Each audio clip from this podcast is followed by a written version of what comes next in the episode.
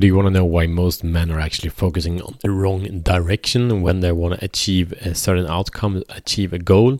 Uh, the missing link that is happening for so many people, why they feel stuck, why they feel like I'm trying these different things, but nothing really seems to be working. Um, being stuck in the rut in one way or the other, or just maybe you're a top achiever and you want to do it even more. So then this episode is for you and welcome to Show the Fuck Up podcast. My name is Matt Fyron, and this show is for men that are ready to free themselves from the prison of playing small and unleash personal greatness. Thank you for being here. Let's show the fuck up together, and let's. Uh, I invite you to invite another man to this conversation, so you can show the fuck up to greater life together, create more beauty and awesomeness all around. All right.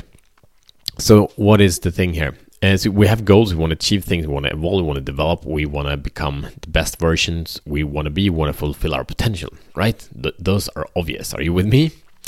And then there comes the thing, uh, and that is the, the men set out to goal and they don't achieve the results as they would like to. And what this comes to is actually focusing on the wrong variability. It's being focused on the goal and it's being focused on uh, kind of a timeline where there are different kind of milestones and it's way over uh, too, comp- too, too complex. And and what happens then is that when the results don't show uh, motivation go. And yeah it's down the drain. Don't do that.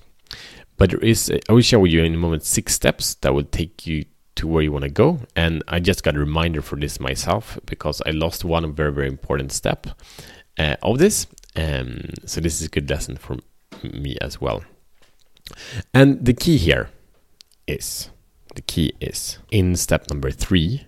However, I think you'll be quite surprised with some of the details in the later steps as well. So, first step is very simple. We set a goal, right? And then uh, step number two uh, is quite often for, for a lot of people that is investigate, find a strategy or a tactic.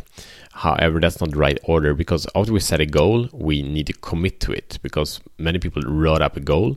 And the second part is actually committing to it, meaning also finding a system so we can remind ourselves of it so we don't just forget about it and start focusing on something else.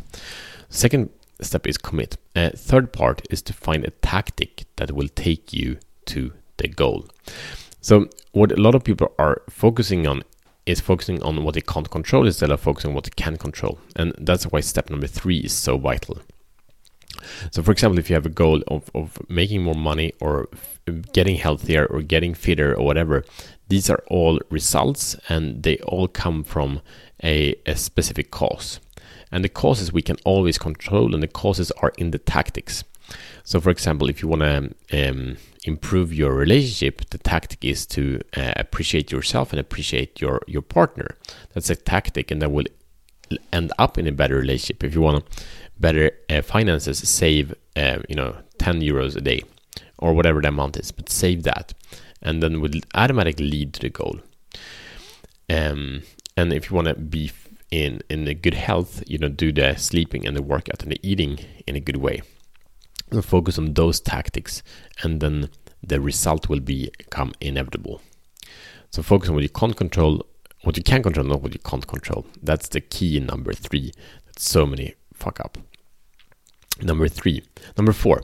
This is can sound counter mm, to what i just said uh, but it's not. Let me explain. It's to surrender surrender and believe that it will work out without being attached to that it is the exact process that will get you there. So, for example, if you're doing this, for example, with relationships and you appreciate yourself, you appreciate your partner, that's a great thing. And, and you, your goal is to make have an epic relationship.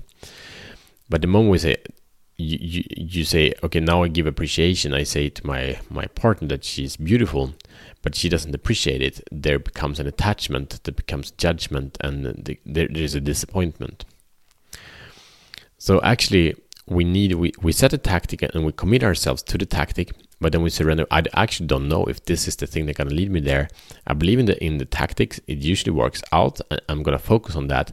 So I have 100% faith in that, but I'm not attached that that will give me the result. So, for example, you do this, send, save this 10 euros per day, but then someone actually happens to give you a lottery ticket and is a winning ticket. I don't think that's a good strategy, but it could be. It could be be a big winner, right? So, are you willing to also receive that goal of financial abundance through other sources than your saving plan? If not, you're too attached and you will experience pain and frustration and will take much longer and quite likely might not even get there. And then step number five, since, since we are not attached to that the tactic will take us to the goal, and number five is then that we're open and curious how your goal will realize. So we commit to it, meaning it will happen because our word is law, but we don't know uh, what's going to take us there. So we can just be open and curious. Like if it's with money, how, how are you going to receive money today? You don't know. It's fine. How is your relationship going to improve? You're taking your actions, so you believe in yourself. You're believing in the action, but you actually don't know the exact thing. And six is just execute tactics. Don't think about it. Just do it over and over and over again. And sometimes we need to review, we need to analyze things, but don't do it too often. Just execute the tactics uh, for the amount of time you commit to, and then you're done. So this is a message of focusing in on what you can control and let go of what you can't control. And this is how you show the fuck up to amazing life today. So your mission, should you choose to accept it, is to go through these six steps and really focusing on the tactic. Number one, set a goal. Number two, commit.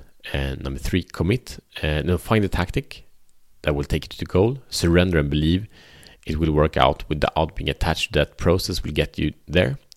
Number five, be open and curious how your goal will realize. Six, execute the tactics. Share this episode with a man that you think need to hear one or all these steps that would benefit from this, and then we can grow stronger together. Thank you, and I see you tomorrow as better men.